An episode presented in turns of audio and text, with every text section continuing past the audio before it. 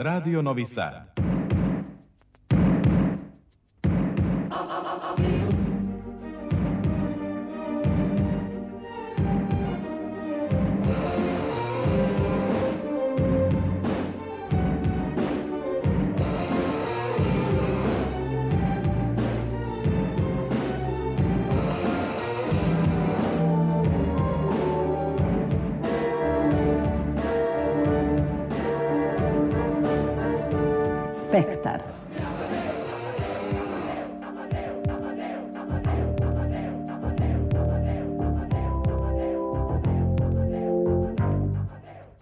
Spektar.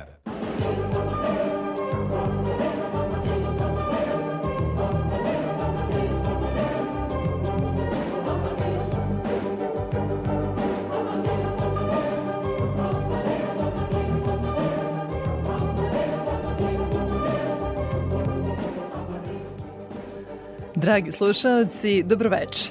Moje ime je Ivana Maletin Ćorilić i vodit ću vas kroz spektar. Ovo nedeljni magazin za kulturu Radio Novog Sada biće u znaku filma. 51. Međunarodni filmski festival Fest ulazi u završnicu. Za glavnu nagradu Beogradskog pobednika za najbolji film ove godine takmiči se 17 ostvarenja iz 15 zemalja – Najveća domaća filmska smotra završava se u nedelju, a u večerašnjoj emisiji čućete ekskluzivno dobitnika Beogradskog pobednika za izuzetan doprinos filmskoj umetnosti, reditelja Lordana Zafranovića. Govorit ćemo i o premijeri filma Ovuda će proći put Nine Ognjanović, kao i francuske verzije poslednjeg filma Aleksandra Saše Petrovića Seobe. Čućete i sećanja na zlatne dane festa, filmskog kritičara Božidara Zečevića i dugogodišnje direktorke festivala Nene Đorić. Od ostalih tema na početku izdvajamo U utorak počinje Novosadski sajem knjiga. Predstava Antigona Lepo je kad padneš na mekano, reditelja Romana Nikolića – premjerno izvedena u Novosadskom pozorištu. U poklon zbirci Rajka Mamozića otvorena izložba Poetika vremena, autobiografija porodice Jelane Kovačević-Vorgučin. Dobrodošli u Spektar.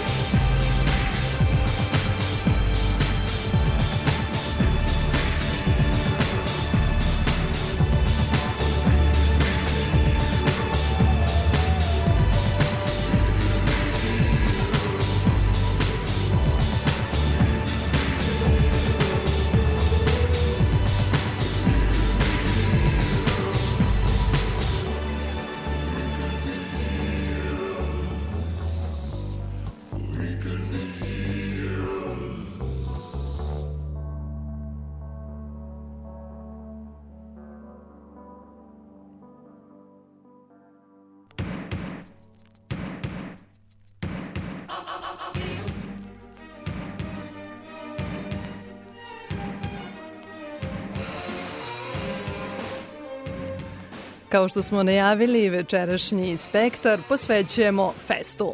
Lordan Zafranović, dobitnik je ovogodišnje nagrade Beogradski pobednik za izuzetan doprinos filmskoj umetnosti, koja mu je dodeljena na svečanom otvaranju festivala.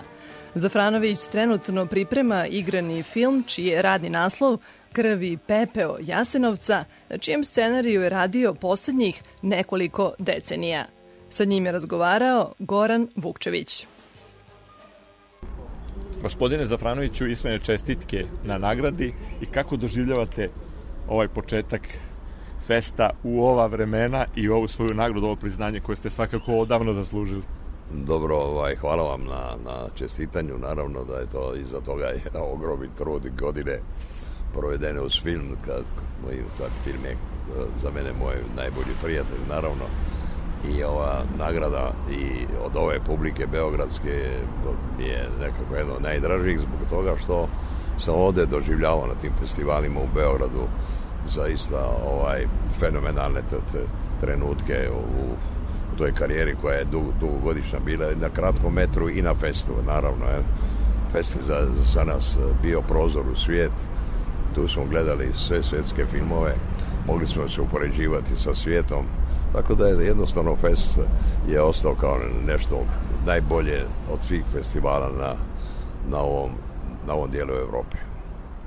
Dobili ste ovu nagradu uz gospodina Dantanu, producenta. vi niste sarađivali na, na vašim projektima.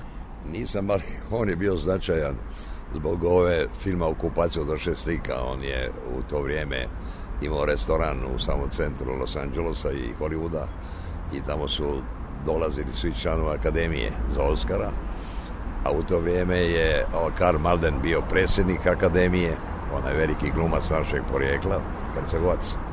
Da. I, ovaj, I oni su zvali Jadran film i rekli da imamo Oscara samo ako bi mogao da, da, da, da Lordan ovaj, skrati scenu u autobusu masakra od, od 7 minuta na 2 minuta zbog ženskog dijela članova akademije jer postoje opasnost da ne izađu sad na toj sceni i da to propadne nas je Jadran Fin zvao meni i Kovača koji je pisao scenarija mi smo ovaj, rekli ova dva kao u horu ne, ne, nećemo ništa skraćivati to se upravo desilo ono što je Dantana predvidio da će na pola filma ovaj izaći ovaj ženski dio akademije i tako smo izgubili Oscara, ali u ono vrijeme smo mislili imamo vremena za Oscara. Je. Jeste, još samo kratko za kraj, šta smemo reći o projektu koji pripremate i zbog koga ste sada ha, na duže vreme ovdje u da smo, sad, da smo sad u pripremama i izbor glumaca i svega ono što, što će film biti budući i ovaj izbor terena i svega onoga što, što priprema tako jednog odgovornog i velikog projekta zahtjeva. Je? Tako da smo sad upravo u Beogradu, će sad biti par mjeseci da se taj film pripremi i da se snimi. Da. I da se naravno napravi postprodukcija i da se opet ovako na sali kao što je ova prekrasna sala Doma sindikata da se premjerno prikaže. Hvala vam puno i dobro zdravlje da vas služi da, da. možemo taj film uskoro pa, da vidimo. Hvala vama na podršci, da to meni je vrlo važno da imam gledalce i da imam one koje cijene ono što se sami radimo. Je. Hvala najlepše, svako dobro. Hvala.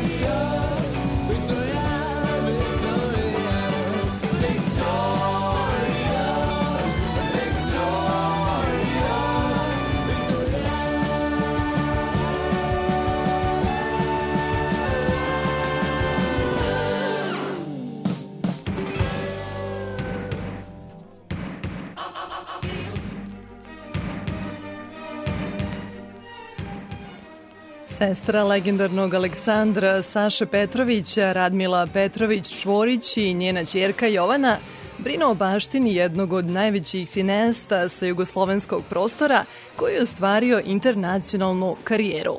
Na festu večeras je prvi put prikazana francuska verzija poslednjeg Petrovićevog filma Seobe. Povodom toga sa njima je razgovarao Goran Vukčević.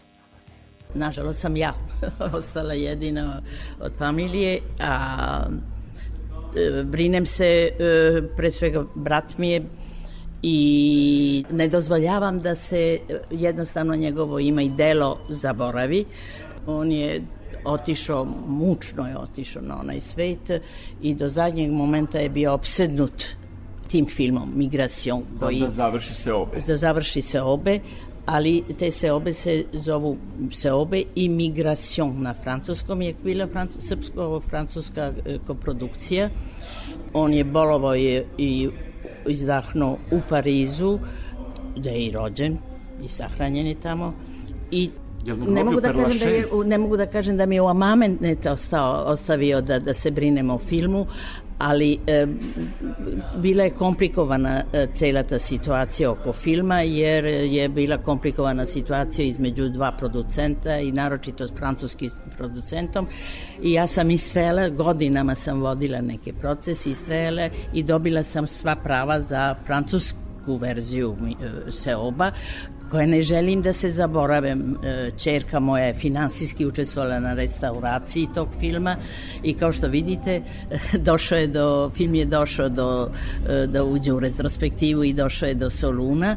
Nije, nije, nisu pozvane se obe, nego je pozvan e, francuska verzija, francuska verzija koja je e, čist, videli ste sliku. Izuzetna i, i, i nekako i lepše, lepše mi je sve sklopljeno. Ja sam gledao na velikom Jer... platnu i srpsku verziju kada je bila da, premijera. Ali, nažalost, e, e, gospodin Dimitris Kirkos, Kerkinos. Kerkinos, koji je selektor, ovde. selektor, on je video skupljače perija u Kanu na festivalu 2017. godine u, u e, sekciji klasičnog... Jeste kad je bila i Olivera Katarina da, prisutna. Da, da. A i to je bilo povodom 50 godina jeste, tog filma. A i skupljači perija su došli u, u Kan, opet zahvaljujući mojoj borbi da dođe, da se nešto uradi sa tim filmovima. Jeste, bio sam u kontaktu kad sa gospođom Oliverom kad je putovala u Kan. Je, ali e, nisu kontakt... E, e, nažalost, naša, ne mogu da kažem vlast, on nije vlast, nego ljudi koji se bave filmom i arhivom filmskom nisu se baš mnogo pobrinuli da se e, Sašin e, delo vidi u svetu. Da, pa eto, vi ste sami ovde se brinuli o restauraciji, inače da. mnogi filmovi domaći, najznačajniji se restauriraju poslednjih godina Jeste. i to od, od trošku sponzora države. Jeste, ali e, da se film vidi u, oda u publiku. I prikaže se prikažu, ponovo, da. Ne, nisu, nisu bili e, na to e, orijentisani i francuski jedan distributer me zamolio način na koji bi mogao da dođe do skupljača perija, želeo bi da ih otkupi. Dala sam broj telefona producenta aval, bivše avale filma, kroz, telefonirala sam tom producentu i rekla da će poznati taj producent. Dva dana kasnije film je bio kupljen od producenta i distributer francuski se potrudio da ga potpuno osveži, dobio je e, dosta dobru e, e, sliku. Molim? Već je bio restauriran. Da, da, da, da, ali je tekst bio, da, da, tekst je bio. Ali, da. da, da, oni su se brinuli o prevodu, o prevodu. sve to ponovo da se uradi, e, sve. Da, ja sam prevela. Da, da. da. Ja sam prevela na francuski. Divno, Jovana, što nas da, da, da, ja sam, ja sam prevela, zato što uh, dijalozi, uh, to je bilo 67. godine, 68. Da. 67. 67. Pošto ja razumem srpski, uh, da, da, ti dijalozi uh, nisu integralni integralno tada bili preveli, nego je bilo nekoliko cenzurisanih e, e momenata. Da, e, da. Kad je, ne znam ako se sećate, e, Mija Aleksić, kad je... Venčavao. Je, ne, kasnije, je, kad, da, je, kasnije, kad, je, da. kad je kao brzo, brzo, brzo, kao pop, govor, da? E, tu nije, apsolutno nije bilo prevoda. Prevoda. A to, to je, to A, je to ipak je jako biser. smešna scena. Jeste, jeste, jeste, jako značaj. Da vas samo pitam, kad se ode u Pariz, ko želi da poseti Sašin grob, je li on na groblju uh, Perla 6? Perla 6, da, da sekcija, groblju. sekcija 57.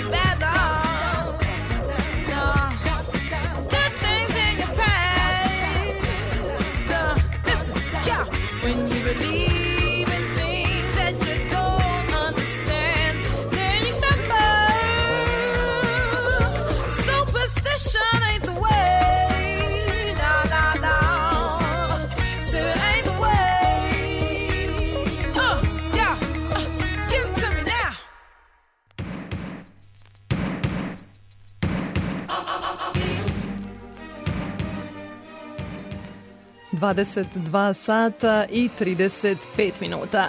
Slušate Spektar, magazin za kulturu, radio Novog Sada.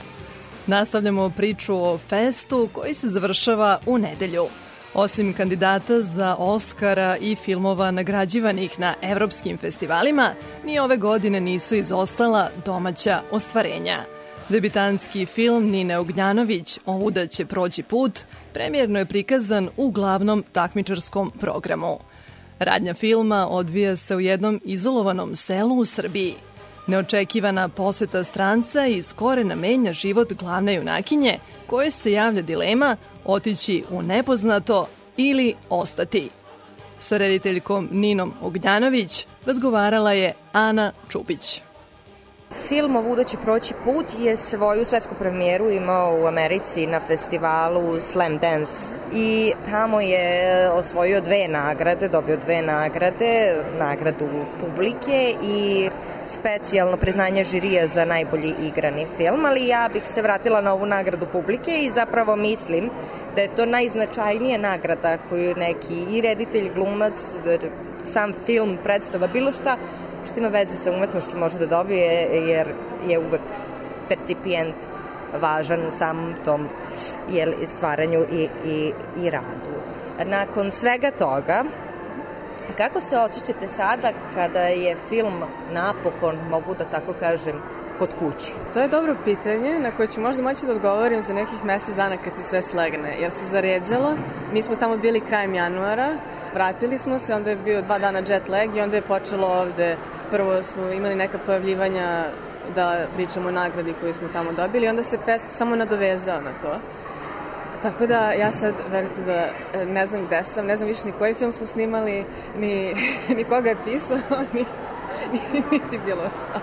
Ali mislim svakako sve je pozitivno, samo se nije još sleglo. Radnja samog uh, filma, da se, da se fokusiramo sada malo na to, je smeštena u neko zaboravljeno, napušteno selo, gde je ostalo nekolicina ljudi i u njihove živote ulazi nova osoba, stran čovek za njih i to im napravi potpuno pometnju. Jako je interesantno baviti se tom temom jer su ljudi koji su tako da kažem izolovani, vrlo specifični i njima je sve to događaj i to je ogromna stvar jer pre toga im je najznačajnija stvar dana smrdi buba i vrata mreža koja se ne zatvori do kraja i to mi je bio jedan jako zanimljivi detalj i ba, baš mi se baš mi se dopalo. Kako, kako ste vi uopšte došli do toga da se bavite ovakvom temom? Sve počinje od te Janine priče, u smislu priče naše protagonistkinje, koja želi da ode, volila bi da promeni, da vidi šta to tamo ima, ima neku svoju idealizovanu sliku kako je ona zamislila da to sve izgleda, a ne može. I onda je sve ostalo ide u funkciji toga da ja dočaram kako sve to tamo izgleda. Ovaj, sad, ja konkretno mislim da je ta priča mogla da se desi i u najvećem gradu na svetu, kao što se u filmu dešava u najmanjem selu na svetu, ali nekako prosto mislim da je vizualno bilo jasnije da se to dešava u tako jednom izolovanoj sredini. A onda su svi ovi ostali ljudi nekako nastajali kao ljudi koji oslikavaju to selo. Meni je jako bilo važno, ja sam na neki način htela da to selo bude jedno od likova, da, ga, da nekako tu atmosferu osetimo i da nam bude jasno šta se tamo dešava i kako funkcioniše. Tako da se postepeno jedno po jedno se slagalo i nadovezivalo na ono što je centralno, to je Janina priča. A, ono što mi je posebno bilo lepo da gledam je to što sve radnje traju i nekako i ono iznošenje stola i sad on prvo iznese to, tu penu, pa držač, pa bricu, pa tek onda iznosi sto. I, i to su uh, jako lepi, dugi kadrovi koji označavaju uh, realizam potpuno uh, ovaj, trenutno, trenutni tok radnje. Ali ono što mi je jako uh, zanimljivo je to kako ste posložili vreme. Kako, zašto, zašto je to baš tako? Ajde jedno po jedno. Ovaj, ta nelinearna struktura je izabrana od strane mene, pošto na početku filma se desi ubistvo i onda tu postoji zamka da sad ovo postane neki thriller o ubistvu i koje, meni to nije bilo važno, meni je bila važna upravo Janina priča i onda sam nekako to htjela da poslažem tako da mi pratimo zapravo neke njene promene i taj trenutak koji je na kraju, koji sad neću da razotkrivam neka publika pogleda, je ključni trenutak za, upravo za njen lik. I mislim da je sve moralo biti tako poređeno da bi taj trenutak imao tu težinu, da bismo mi mogli da shvatimo. On se u nekom linearnom vremenu desi jako rano i onda posle ona negde trči to već nekako gubi na težini. I takođe ta kružna struktura, ja sam htela da napravim kao neki zatvoren krug oko tog sela. Niti može da se izađe, niti vidimo šta je izvan, niti vidimo dakle on došao, niti ona se usudi da ode onim putem dalje. i onda sam tom strukturom htela još malo to da naglasim. A ti kadrovi koji malo duže traju su Pa, mislim da su inspirisani zapravo nekim vremenom koje sam ja provela u selu. Tamo je život dosta sporiji nego ovde. I htela sam da prosto da prikažem i to. Rekli ste da ste hteli od e, tog mesta da napravite lik za sebe. U pitanju je Toplido. Pejzaž je predivan, fotografija je fantastična. A mene zanima kako su tamo tekla snimanja i koliko su trajale. Pa ovako, snimanja generalno kao na nekom profesionalnom setu traju 12 sati sa pauzom za ručak od sat vremena. Međutim, Toplik do je okružen planinama, a nama je trebalo sunce sve vreme. I pošto smo snimali negde, već je bio septembar, sunce je bilo niže, nama je ta geopozicija nametala kraći radni dan. Zato što je sunce izazelo negde oko 7 i već negde oko pola 5-5 to je bilo to, nije, nije moglo da se snima. Meni lično je jako prijelo da sam na mestu gde nema signala, gde nema interneta, da sam skroz izolovana. Ja sam sigurna da je to za Davida, ako ga pitate, bio pakao i logistički i produkcijski na svim mogućim nivoima.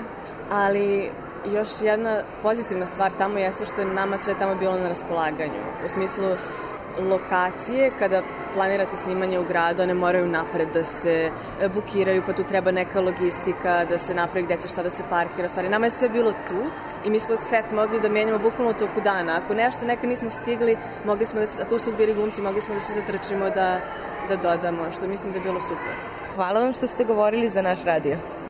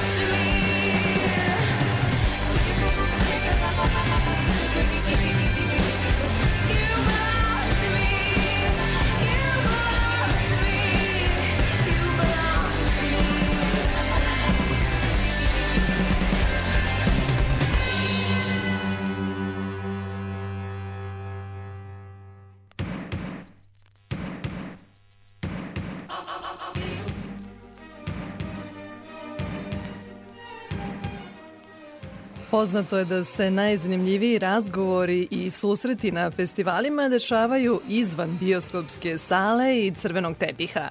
Te priče, nažalost, često ostanu nezabeležene, ali naš Goran Vukčević sačuvao je jedan takav zapis sa samog otvaranja 51. festa. Početak festivala dočekao je u društvu filmskog kritičara Božidara Zečevića i dugogodišnje direktorke Festa Nene Đorić, čijim komentarom i osvrtom na nekadašnja festivalska izdanja ćemo zaokružiti ovo nedeljnu priču o toj filmskoj smotri.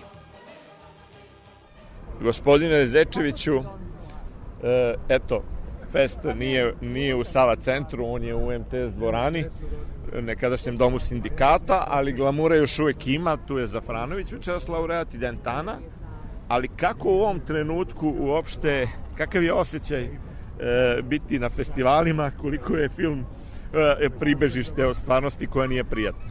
Malo je tužno kao i ovo vreme u kome smo, evo stojim ovde, čekam neke prijatelje da dođu sa vama i još par dece ovde ima i nema nikog živog Malo ispred pusto ovaj festa, crveni malo je, sad je već skoro 7 i 10 recimo, znači do početka je ostalo još možda 20 minuta, tu je crveni tepih, tu jesu neki Neka svetla. neka svetla i tu se nešto događa, ali nema ljudi. Jeste, kao, što, kao što nema ljudi nigde, tako više nema ljudi ni na festu. A, znate kako je nekad izgledao ovaj trg? Ja, prvo, jako volim što sam, sam sada ovde gde je nekad počinjao fest. Tu su bile hiljade ljudi. I bile Hiljade su ljudi- mega zvezde. Da, i koje su htele da uđu po svaku cenu i polomilo ova stakla i ovde i u Kozar i ne znam šta se sve nije događalo. Jeste, ovde je bio i De Niro. ma ko sve nije bio. I ovaj, sad se malo tužno osjećam. Evo stojim sa, sa mojom drugaricom Nenom Đonrić koja je bila direktor festa. Dakle bila je jedno, jedno sad nije lepo da govorim 10 godina, 15 godina više više ovaj, u, to centar cele te velike gužve dok je ona bila u Sava centru. Sad se ponovo vratila, meni je drago da je ovde da nije u Sava centru. Ja nešto nisam volao, to mi je bilo daleko i uvek mi je komplikovano bilo da idem tamo. Ovde mi je, ovde se osjećam kao kod kuće, tim pre što je fest i počeo ovde, on je počeo u ovoj sali, prvo je počeo u kulturnom centru, pa, pa je došao u ovu ovde salu i odva, uglavnom se odvijao ovde i u Kozari. Bili su to još i, i a, druge dvorane po centru Beograda. Super ekskluzivna dvorana je bila u Domu omladine gde je postojan program koji je vodio Makavev koji je bio ekskluzivan i koji je bio uvek imao neku, neki obol polulegalne projekcije, hoće li to policija zabraniti ili neće, jer su tu bili razni filmovi koji nisu bili na cenzuru ili su bili, ali su jedva prošli, ili uopšte to nije sve tačno, nego je on sve to izmislio, ali mi smo tamo stajali po sat vremena nadajući se da ćemo ući i ulazili smo svakako. Eto, to su bila vremena kad je fest bio praznik za ceo ovaj grad i kad je narod dolazio ovde da se napaja filmom, evo sad gledam, ne vidim taj narod više i ne vidim da se uopšte iko napaja filmom. Film je izgleda da je izgubio tu moć koju je nekad imao. Ovaj, e, bio sam u Berlinu pre dve godine, slična je situacija, nisam, nisam bio oduševljen izgledom svega toga i tim masama. To je naša stvarnost. To izgleda da je naša stvarnost. Prema tome, nemam šta da vam kažem osim ovako ovih a, a, pomalo vremešnih uspomena ovaj, na jedno vreme koje je bilo sasvim drugačije i a, sada se sve promenilo. Sada je sve, sve, sve, sve sasvim drugo, ali se ponovo vraćamo na mesto zločina, to jest na ovo mesto gde sada stojimo. Trg Nikole Paške, u se- stvari nekad je bio Marksa i Engelsa. Marksa i Engelsa gde su stajali hiljade ljudi i gde su dolazili da se slikaju sa džinom, sa ne znam nija E, Gina, kim, to smo sve nedavno objavili. pokojnom Ginom. O, ne, da, jeste. Ovo, baš na ovom mestu gde mi sad stojimo nekoliko fotografija koje smo objavili u nekom katal, u nekom a, monografiji Monogra- nekoj 25 festa 25 godina gde su bili svi oni skupljeni ovde padao je sneg bilo je sve potpuno potpuno drugačije evo sad vidim prvi par sad ću da vam prenosim tepihu. to koji ulazi preko ovog crvenog tepiha u gospodinu smokingu koliko vidim gospođa je u nekoj toaleti evo to liči na onaj fest kakav je nekad bio Ali to sad nekako sve uz napor, što bi citirao bih Batu Živojinovića iz povratka otpisani, koji kaže, jel je takvo vreme došlo? Da, tako je. Neno, oprostite što smo stavili drugi plan, da kažete koju reč i vi, vi ste deo istorije festa. Jesam i na to sam jako ponosna zato što su moji prvi dolasci na fest bili još iz uh, kategorije običnog gledaoca koji dan pred izlazak programa u politici a, čeka da izađe ponoć, ono, po, kolporteri počnu da raznose, pa se onda iseče taj program, se sećaš? Kako ne? Ovaj, I onda se to ovaj, Verujem obele- to sam i danas uradio. Uzeo sam, uzeo sam danas izašao program festa, E, jer ga nisam doveo, nemaju ga ne, gore. Nemaju, nemaju, nemaju.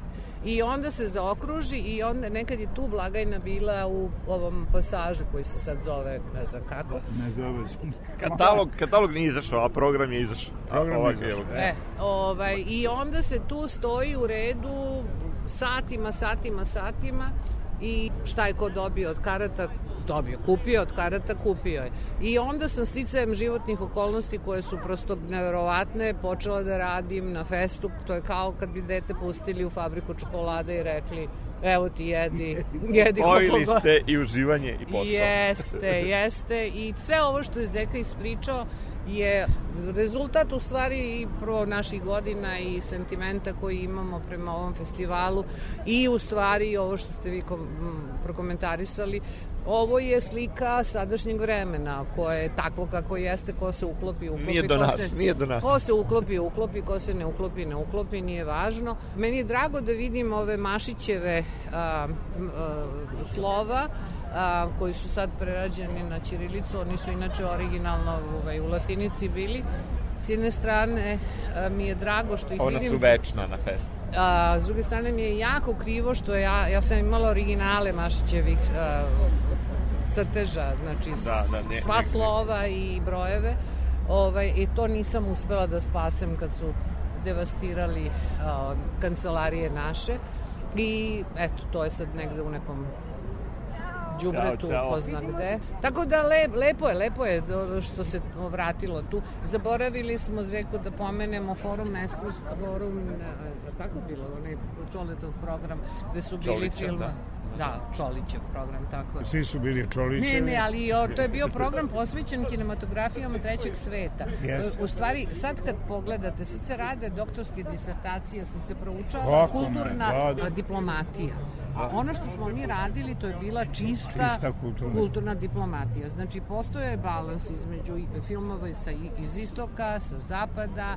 Dolazili su ovde čuveni bugarski, ne vozovi e, za glasanje, nego kritičari da gledaju filmove. Mi smo bili Češki, iza, poljski, mi smo bili otvor gost- za svet. Tako je, I onda tako je. bi išli na fest i uh, ovaj, bili bi presrećni kad bi dolazili u Beograd i tu, tu su se i oni napajali peste jedan ceo deo sveta je bio uskraćen za, za zapadne hitove Tako. a mi smo bili interesantni politički kao zemlja koja je bila između dva sveta i zato je taj zapad ponekad nije žalio ni, ni para, ni Tako je. e, da, da eto pokaže kroz izlog festa šta se sve događa. A ovi su hrlili na Jeste. fest sa svih strana, iz Sovjetskog saveza, iz Bugarske, iz Poljske, iz, Jest, svih. cela, cela istočna Evroppa I, se ovde do... i, I onda dođu i, i naprave odavde iz Beograda ogromne izveštaje. Te ovaj je bio, te onaj je bio, te videli smo, drugi su bili i filmovi. Iz ovih današnjih filmova nema šta da izabere. Danas sam gledao program, nešto malo znam o ovoj sezoni, nije bog zna kako, ali e, e, ni taj program nije bog zna kakav zbog toga što ceo, u celom nemate više filma. Da. Jasno. Nema više filma. Evo, vi ste bili verovatno u Solunu. Solun Ovo- Palić Kustendorf, to je sve gde smo se sretali. A gde dobro, dosta je. Solun. Solun je jedan od tih, jedno od tih mesta. Nema šta da se vidi. Jeste, uvek uzima najbolje, ali to je prosto ono što ima. Tako je. Hvala vam mnogo, moramo završiti razgovor, nemamo više vremena, ali ovaj, treba i da ulazimo mi polako. Ali I hvala mi. vam mnogo. E, Hvala Ja vam. bih samo rekao da zavidim vaše generacije što ste živjeli u neka bolja vremena. I evo i gospodin Zafranović pristiže. E. Idem, idem tamo. Svako dobro.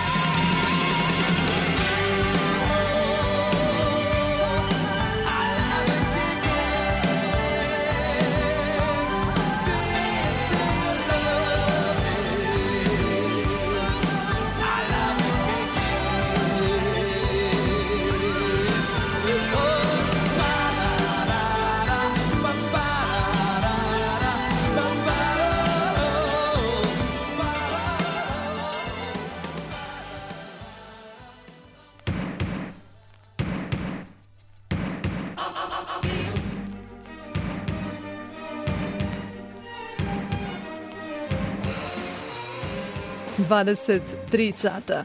Nakon festa u Spektru, magazinu za kulturu Radio Novog Sada, pažnju posvećujemo jednoj novosadskoj manifestaciji. Sajem knjiga i umetnička manifestacija Art Expo biće održani na Novosadskom sajmu od 7. do 13. marta, a sajem obrazovanja 9. i 10. marta, saopštili su organizatori. Biće dodeljene tradicionalne nagrade Laza Kostić za najbolju knjigu, izdavački poduhvat i knjigu za decu, kao i Sava Šumanović za doprinos u likovnoj umetnosti. Opširnije Tatjana Novčić-Matijević. Ovogodišnji sajam knjiga brojem izlagača i sadržaja premašio je dosadašnje, kaže izvršni direktor Novosadskog sajma Boris Nadlukač. Više od 200 izlagača iz šest zemalja sa više od 140 programskih sadržaja. Po tim pokazateljima očekuje nas najveći sajam knjiga izložba umetnosti i sajam obrazovanja u poslednjoj deceniji. Za nagradu Laza Kostić, prema rečima predsednika žirija Vladimira Gvozdena, konkurišu tri romana i jedna knjiga priča. Najavljeno je gostovanje mnogih pisaca i na manifestaciji Dani Laze Kostića i u programu namenjenom najmlađim čitaocima i u sadržajima koje je kreirala Kancelarija Evropske unije. Izložba Art Expo predstavit će retrospektivu dosadašnjih dobitnika nagrade Sava Šumanović, a na sajmu obrazovanja učestvovaće srednje škole, državni i privatni fakulteti. Predsednik organizacionog odbora Sajma knjiga, Mladen Vesković iz Ministarstva kulture, kaže da je sajam u Novom Sadu respektabilna kulturološka činjenica. Da Novosadski sajam knjiga bude najznačajnija manifestacija ove vrste u prvom polugodištu u Srbiji, odnosno da zajedno sa Beogradskim sajmom knjiga to budu dva punkta u prolećnom i jesenjem kulturnom životu naše zemlje, ali ne samo Srbije, već regiona, jako je moguće i šire.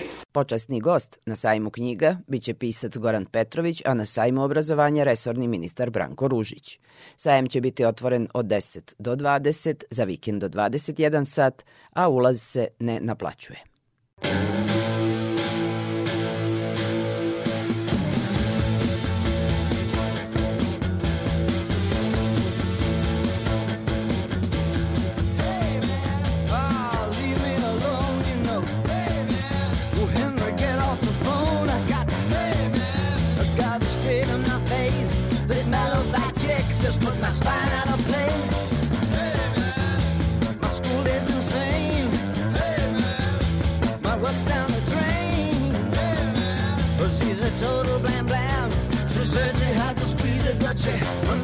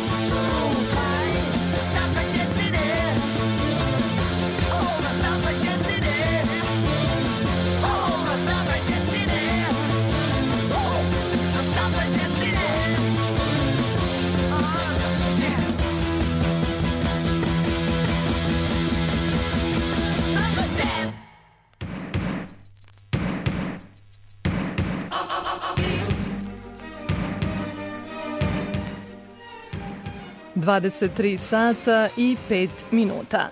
U narednom segmentu emisije govorimo o aktuelnostima na pozorišnoj sceni. U Srpskom narodnom pozorištu do kraja meseca biće održane dve premijere. Evanđelje po Dostojevskom, slovenačkog reditelja Jernea Lorencija 17. marta, dok će za dan našeg najstarijeg teatra 28. marta biti premjerno izvedena opera Evgenije Onjegin u koprodukciji sa Narodnim pozorištem u Skoplju i Teatrom Kopola u Kataniji. Nakon više decenija, obe pozorišne scene biće obnovljene.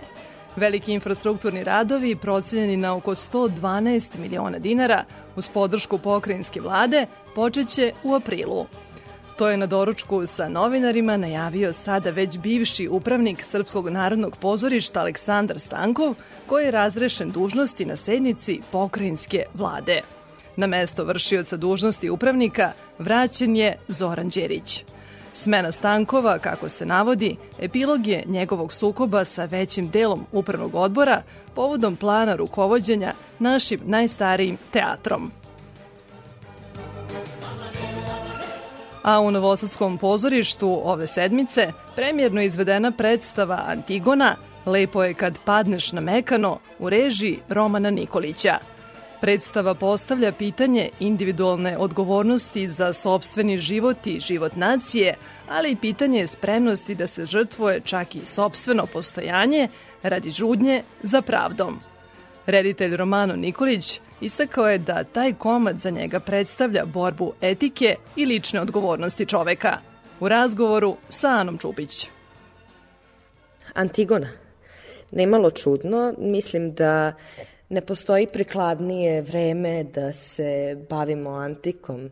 Zapravo, ovo je jedna veoma inovativna, konfuzna Antigona koja se u stvari zove Antigona lepo je kad padneš na mekano. Pa da počnemo negde od tog naslova, da ga da li pojasnimo da, da li malo. da padnemo na mekano ili ne. Pa naslov je tu uh, cinične naravi. Da li je lijepo ako padamo, da onda već padnemo na mekano? Da li je bolje ako nas već metkom tjeraju da padnemo na neki beton ili nam je bolje da padnemo u zemlju u raku? To, je- to je zapravo naslov. Ovo što ste spomenuli da je konfuzno, život je konfuzan, rat je konfuzan, odnosi unutar obitelji i odnosi unutar jednog društva i zajednice su konfuzni, odnosi unutar naših postratnih zajednica su također konfuzni, tako da super. Verujem da ste e, baš iz tog životnog pomešali više žanrova. Imamo i hiperrealizam sa tim kuvanjem kafe, sa tim prskalicama, sa kišom, imamo melodrame, imamo i absurda. Ima, ima svega u, u ovoj predstavi zapravo. Pa kaj u životu? Ne može, ne može opstati jedno bez drugoga. Ja, ja smatram da ne može. Sad, što je absurdno u tome? Da li je to neka cinična rečenica na koju se publika smije ili ne znam, ali e, svak se prepozna u onome što čuje i reagira na način na koji reagira. Da, ali ipak e, da se držimo jel nekog osnova Antigone kako je o, kakva je i napisana. I ništa nismo izbacili. E, Ni ne, jedan dio. to je, to je tačno, da, samo što, evo, mene je jedna, baš jedan segment Mhm. pred kraj te njene reči su me e, uzdrmale i to, to mislim da je poenta. E, Treba reći ljudima da ih volimo. Nikada ne znamo kada ćemo ih videti poslednji put, bez obzira znaju li ili ne. A možda i mi to nekad zaboravimo. To je po meni suština Antigone, jer se ona bori za ljubav. Tako je. A- Sa svojom ljubavlju. Za brata. Da. Isto ko što se glumica Livija ili majka ili kor u našem segmentu bori e, za svog sina koji je nestao u ratu. Postoji i jedan segment još predstave u ko, u kom ste se dotakli, a to je e, dijalog između male i velike Antigone. To mi je zapravo jako interesantno što je skoro svaki lik imao svoje dete koje, sa kojim je igrao scenu nekako i u ogledalu i to pa je... to nekako ja pokušavam, evo i sa 34 godine pokušavam nekako ne izgubiti to dijete u sebi i pokušavam zato što su ta, mi kao djeca se ne bojimo. Mi kao djeca smo najiskreniji. Već s godinama stavljamo maske neke na sebe, filtriramo rečenice i riječi koje izlaze iz naših usta da ne bi nekoga povrijedili, da ne bi nekoga uvrijedili, a dijete to nema. Dijete govori ono što želi, dijete jako laički i na nekom nižem nivou iskreno e, zaneseno mašta o nekoj boljoj budućnosti, iako ne zna što će dočekati u budućnosti i upravo zato ti dijalozi između male Antigone i Antigone kao odrasle koja govore ti si u budućnosti htjela. Da, ti si u budućnosti htjela, ali ja više nisam ta osoba. Da, pa da, ali to je večito pitanje svakog pojedinca, jesam li izneverio dete u sebi. Da. I da li sam ga izgubio? I gdje je to dijete? I hoću li ga opet I naći. hoću li ga opet naći upravo. I na kraju dolazimo do toga da je porodica najvažnija grana jednog društva, a majka je osnov svega. Ne mora biti nužno. To Mhm. nismo išli u predstavi u, u tom smjeru. Išli smo u predstavi u društvu. Što je zajednica? Što mi kao zajednica možemo napraviti? I što mi kao pojedinci možemo napraviti da je naša zajednica u kojoj se i mi nalazimo bude bolja. Da Mhm. bude bez mržnje, da bude puna nježnosti i nekako da uspijemo izgraditi sebe, da budemo naprosto bolji i kvalitetniji ljudi. Ja stvarno ne mislim da je to teško. Nadam se da nije. I Ja hvala vam što ste govorili za naš radio.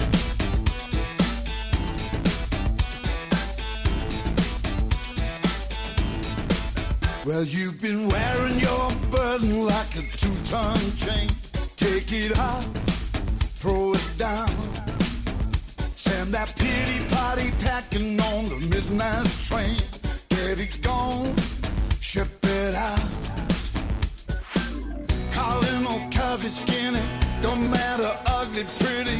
Let's all get down and dirty. If you wanna catch a ride to a good time, this is your song. Get on. And if you wanna have a party, we can start it right. What you waiting home?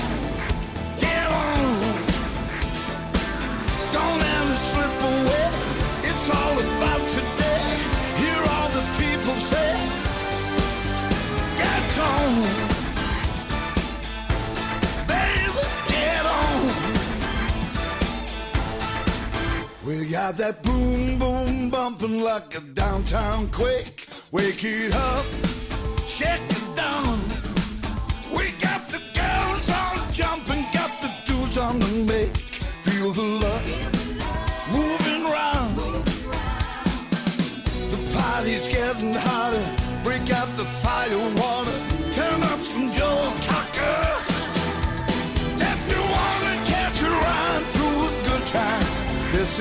Song. Get on.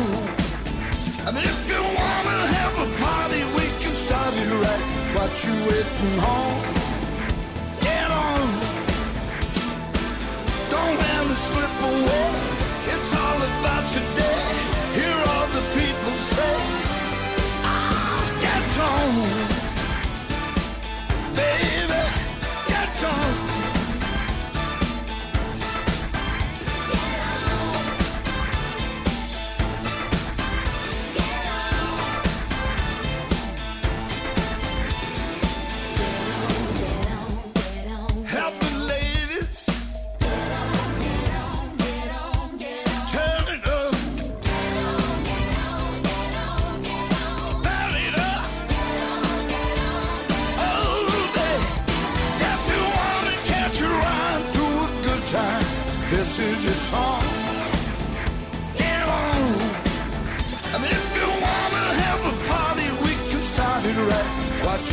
getting home.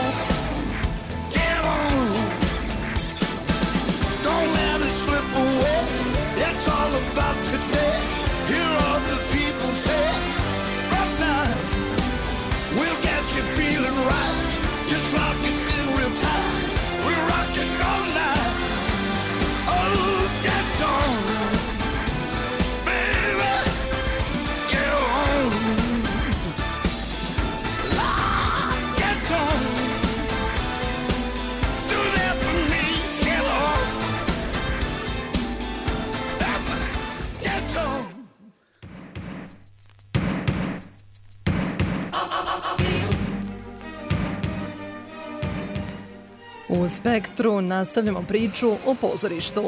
Festival Nedelja promene pod sloganom Samo nežno prema umetniku, koji tradicionalno organizuje pozorište promena, otvoren je predstavom Ona i trajaće do utorka na Akademiji umetnosti u Novom Sadu.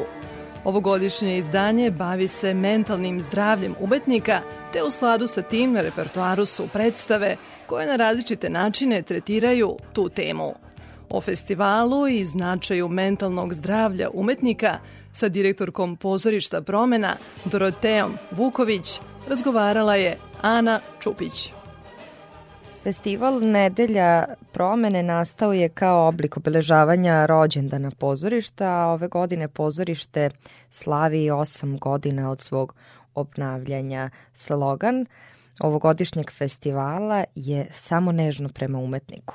Čitav koncept ovogodišnje nedelje promene je nastao vrlo, vrlo spontano, ali shvatili smo da zapravo to nije ni toliko slučajno bilo, nego je u čitavoj organizaciji, na čitavoj akademiji, u čitavom pozorištu promena nekako tema mentalnog zdravlja umetnika, pre svega nas studenta, nekako dobila napokon svoje mesto. Zapravo pravim imenom je imenovano. U proteklih nekoliko godina ono o čemu naše bivše kolege pričaju stalno jeste da bi trebalo da postoji neki vid psihoterapeuta, psihologa zapravo na, na akademiji. Prosto naš rad i procesi kroz koje prolazimo iziskuju nešto tako, a mi smo promeni dobili prostor da zapravo pričamo o tom problemu i da suštinski zaista nešto menjamo odnosno da se izborimo ako ništa samo za tog psihologa.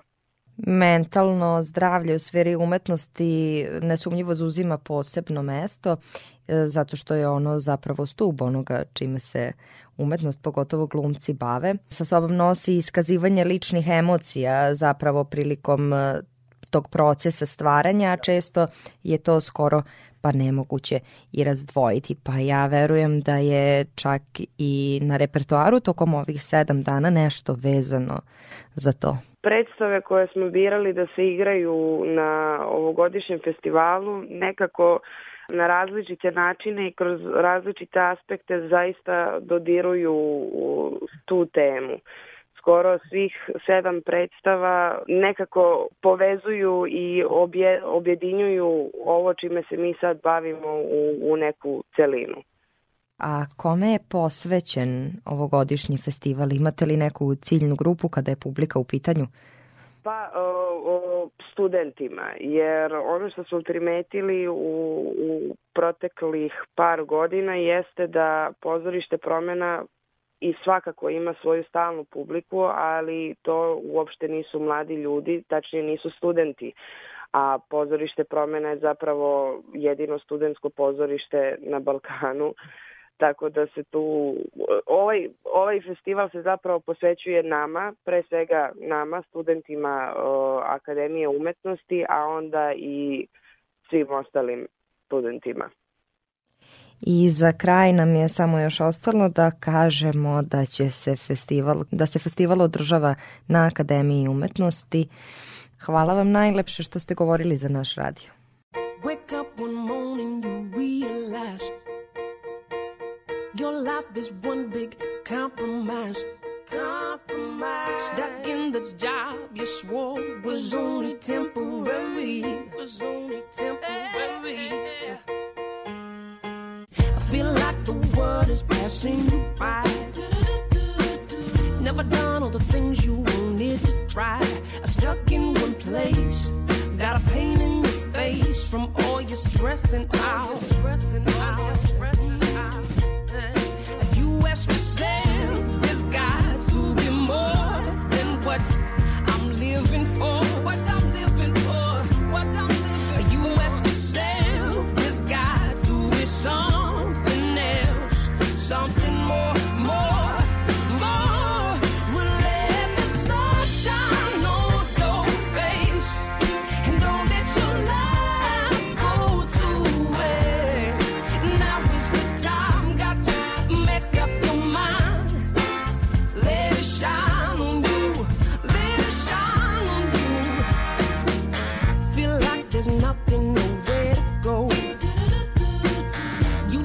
and fight, but you can't let go of all.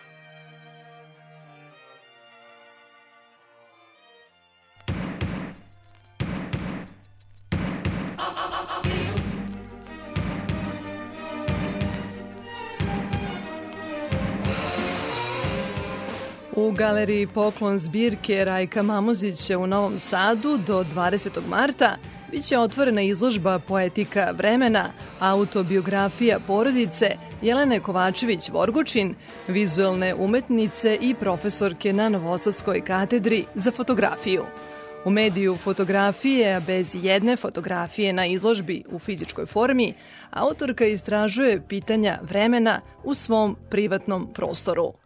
Sa njom je razgovarala Aleksandra Rajić. Ova vaša postavka zapravo predstavlja istraživanje u okviru doktorskih studija, vaše istraživanja fotografije. Kada ste ih ovako postavili u ovaj izložbeni prostor, šta ste otkrili, kakav je recimo neki konceptualni potencijal ove izložbe, ove postavke i fotografije, jer ona očigledno ima intimistički e, karakter, zapravo istražujete, e, rekli ste i samo postojanje kao takvo i sve njegove emanacije i samoću i e, buku, tišinu, svetlost, mrak, vreme, prostor. Dakle, kakav je taj konceptualni potencijal u prostoru? Ne mogu da ne sakrijem ovaj zadovoljstvo. Kad su me pitali da li sam zadovoljna, ja sam zaista jako zadovoljna. Ovo je proces koji traje godinama, pre svega fotografišući svoju decu od malena, to je nekih 14 godina njihovog života. Prosto ulaskom u taj period majčinstva su se meni neke stvari pokrenule, otvorile prema spoljašnjosti, prema e, deci, prema njihovoj unutrašnjosti i sama ideja izložba, odnosno koncept se isto tako paralelno razvijao. Osluškujući sebe i okolinu, sam shvatila da e, osim toga što imam pregršt fotografija dece, nekih otprilike 50.000 fotografija do sada snimljenih, da i imam apsolutno izložbu gotovu, možda i pet sa tim fotografijama odrastanja. Međutim, prosto su se neke okolnosti životne unutar moje porodice desile e, koje nisam mogla da ne uključim u sam proces. E, Izložba govori o porodici, o životu porodice, pod tom temom koju sam odabrala, e, poetika vremena, autobiografija porodice, zaista podrazumevam tu životnost e, koja je, uključuje kako rađanje, odrastanje, tako i, i smrt kao nešto što možda i jeste konačno, možda i nije. Smrt majke me i tekako motivisala da uključim i taj deo rada i tu sam na tu temu radila e, više nekih, da kažem, fotografskih pristupa. U osnovi celog rada jeste fotografija i polazim od fotografije, međutim ta fotografija ovde je dosta efemerna. E, Zapravo, istorija porodice jeste istorija naših sećanja, e, prenošenja naših sećanja kroz fotografiju ili usmenim prenošenjem, tako da ova e, izložba se upravo time bavi, koliko životom, smrtim, protokom vremena, toliko i tim sećanjima. Dosta je slojevita, sastoji se iz segmenata. Prvi segment život e, i odrastanje, odnosno rađanje i odrastanje, e, smrt kao neka neminovnost koja nas sve čeka u životu. Deo života, da. Deo života i e, posljednji deo je ova instalacija sa ogledalima i projekcijom e, fotografije porodice moje majke. Putem tih ogledala se ta fotografija razlaže na fragmente to je samo projekcija slike, ona ne postoji u prostoru, to je samo projekcija koju mi možemo isto svojim prisustvom da i poremetimo ulaskom u, samu, u sam prostor te slike. Cela izložba jeste koncipirana da bude tako krhka, neuhvatljiva, prolazna, nestabilna i da isto tako govori o toj krhkosti naših sećanja. Da, rekla bih da je deo koncepta zapravo uvući i posmatrača u celu priču, ne samo zbog ovih ogledala e, o kojima ste govorili, u kojima možemo da se ogledamo, nego i zbog toga što je prosto fotografija sastavni deo naših e, života, a fotografije koje ste vi zabeležili, evo pitala sam vas u oči ovog razgovora, učinilo mi se prosto da su fotografije iz ruke, one analogne, obične porodične fotografije, koje naravno u, u ovom kontekstu dobijaju umetnički kvalitet. Kakva je uloga posmatrača? Posmatrača na ovoj izložbi? Ja stvarno pokušavam da posmatrača uvedem u tu svoju ličnu priču. Neće svaku izložbu doživeti podjednako, ni jednu, nikad niko, jer smo strašno slojeviti ljudi.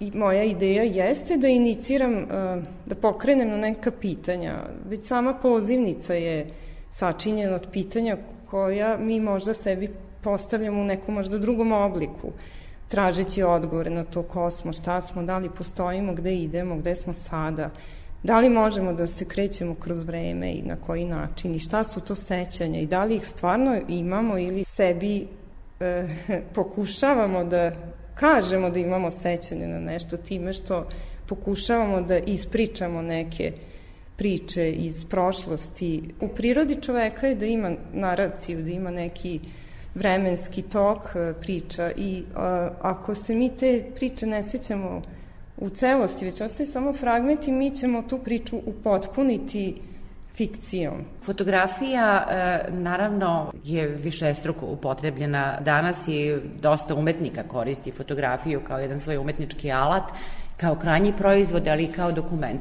Dakle, kakav je taj neki fini odnos između dokumenta i umetnosti da. kod fotografije? Pa, kod mene lično i na ovoj izložbi ja jesam uh, pre svega krenula od te dokument fotografije u ogromnoj želji da mi ne promakne ni jedan značajan segment u odrastanju uh, dece, već sam odabir gde ćemo živeti je kao napred bilo pripremanje možda na te fotografije. Zaista sam htela da imaju dvorište, da imamo drvo, da imamo kuće, mače i da imaju slobodu deca da istražuju prostor e, i sebe, e, možda i svoju seksualnost i prostornost i odnose među ljudima, da kroz to stvaraju i da razvijaju inteligenciju i sve ono što ide negde uz to kao tu slobodu odrastanja.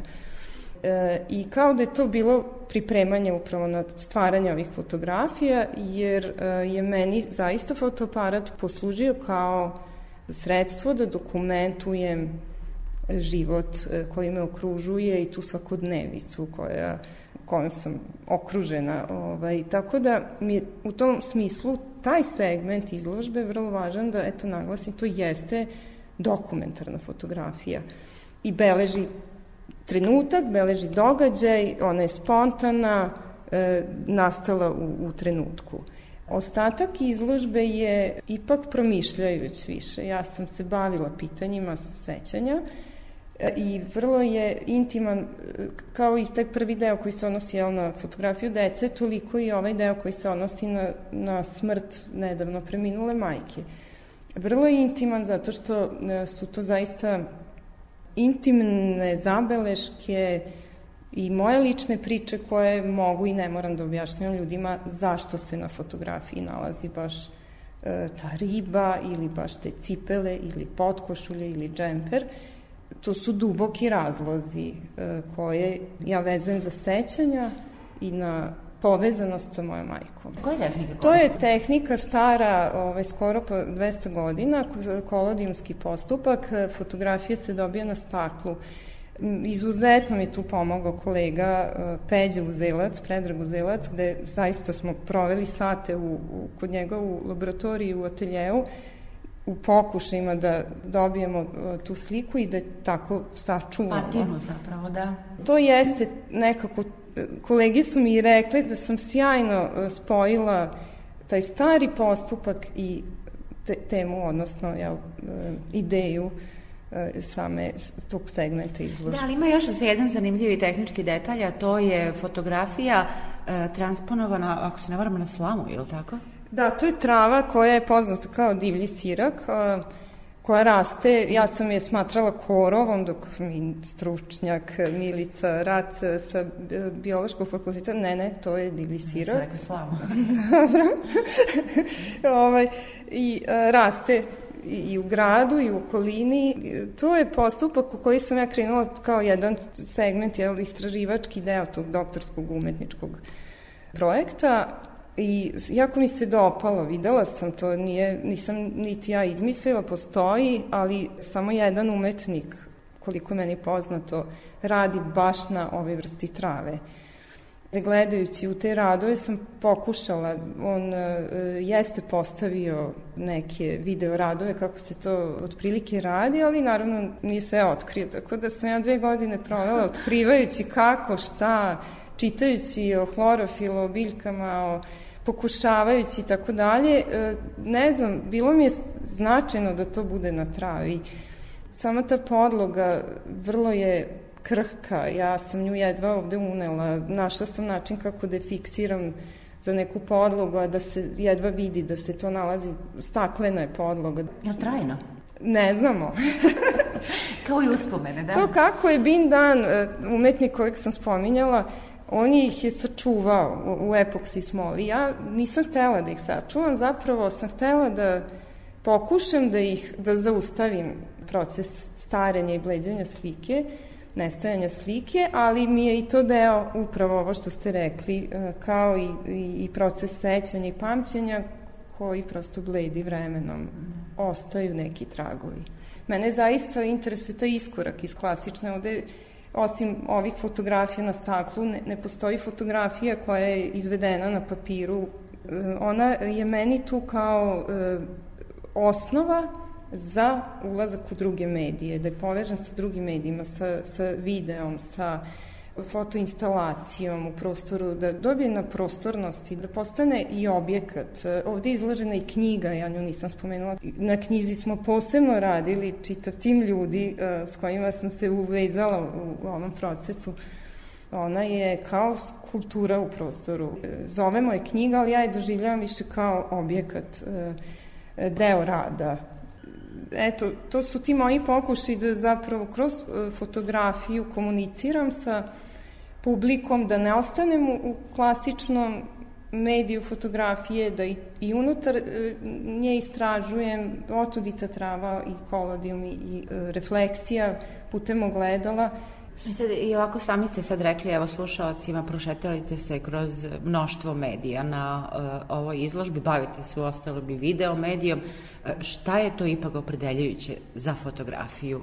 Mene je fotografija probudila u tom umetničkom razmišljanju. Ja sam školovani slikar, ali sam uh, u toku školovanja na trećoj, četvrtoj godini se upoznala i sa fotografijom kao medijem i shvatila da ja tu stvarno imam šta da kažem, da mi je to ta vibracija u stomaku koju mi izazove fotografija, da je to moj medij, moj jezik za izražavanje. Ja možda ne umem ni sad da vam objasnim tačno sve ove izložbi, ali kroz fotografiju se trudim i zaista tada osjećam da sam živa, tada osjećam da sam kompleksna ličnost i zato ću uvek ostati neko ko ja... ja Ste umetnik, da. da. tu se ostvarujem i kao umetnik i kao osoba i ličnost i Uh, ali nisam od onih da fotoaparat stalno nosim sa sobom. Ne, u kući mi jeste prisutan, sad imam i dva aparata na lokacijama, ne, tako da u kući mi je uvek prisutan aparat upravo zbog ovakvih scena koje ne želim da mi promaknu, ali e, nisam turista sa fotoaparatom, više sam onaj koji razmišlja o nekim temama, pa onda kreiram fotografiju, režiram i osmišljavam je pre nego što ću je snimiti. Redki su zapravo i momenti kao ovde da ja instant fotografišem neku scenu. Mama said, son, someday you'll learn this lesson. Hard times never last, each day is a blessing. Keep your eyes on that kingdom, waiting down the road across that river Jordan. Everybody's got to go. Everybody's got to go. Heaven only knows. Way up in the sky to that sweet by and by. Everybody's got to go. The day my brother died, I thought about a song my mama used to sing before she passed on our Savior Jesus calling his children home. He leave no one behind. Everybody's got to go. Everybody's got to go.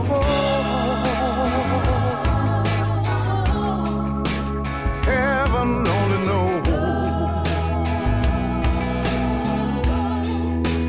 Way up in the sky, that sweet by and by.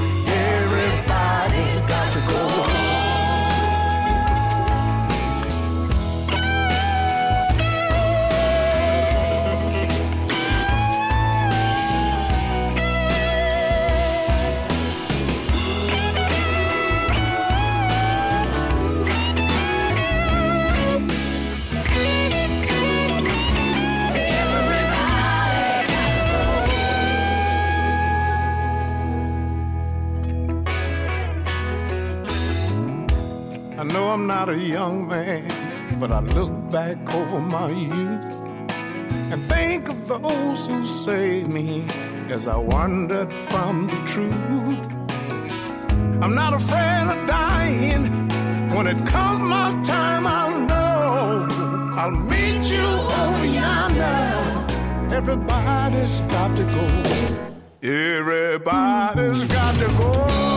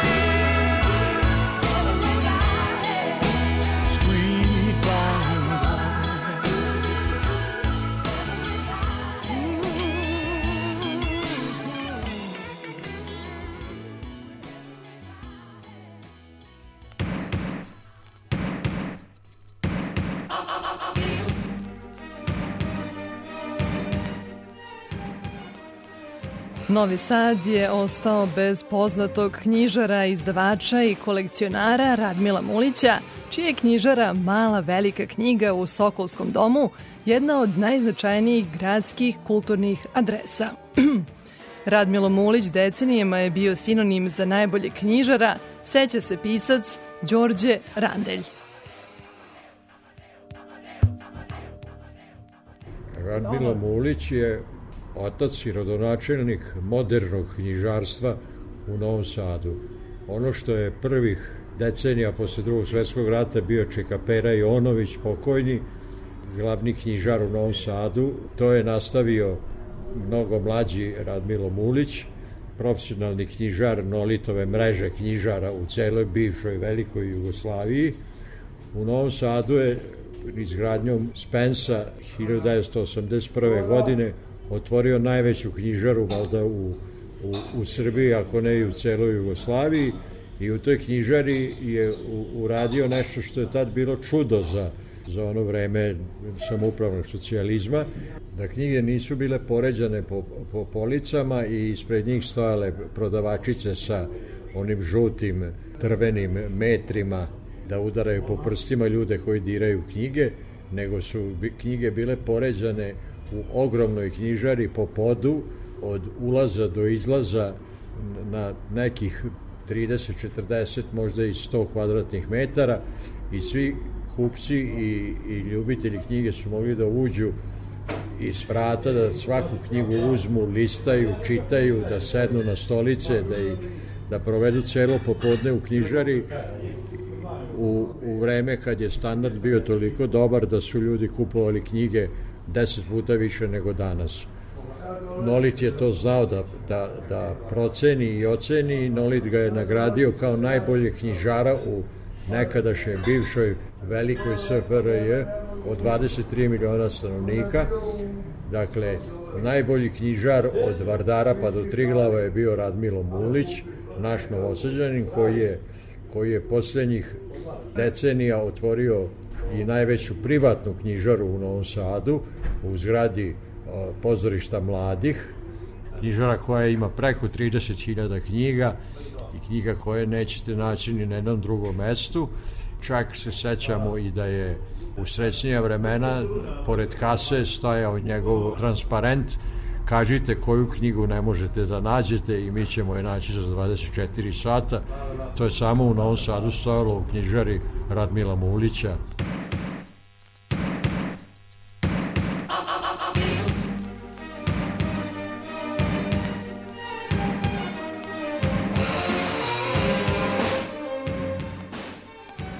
Dragi slušalci, stigli smo do kraja spektra.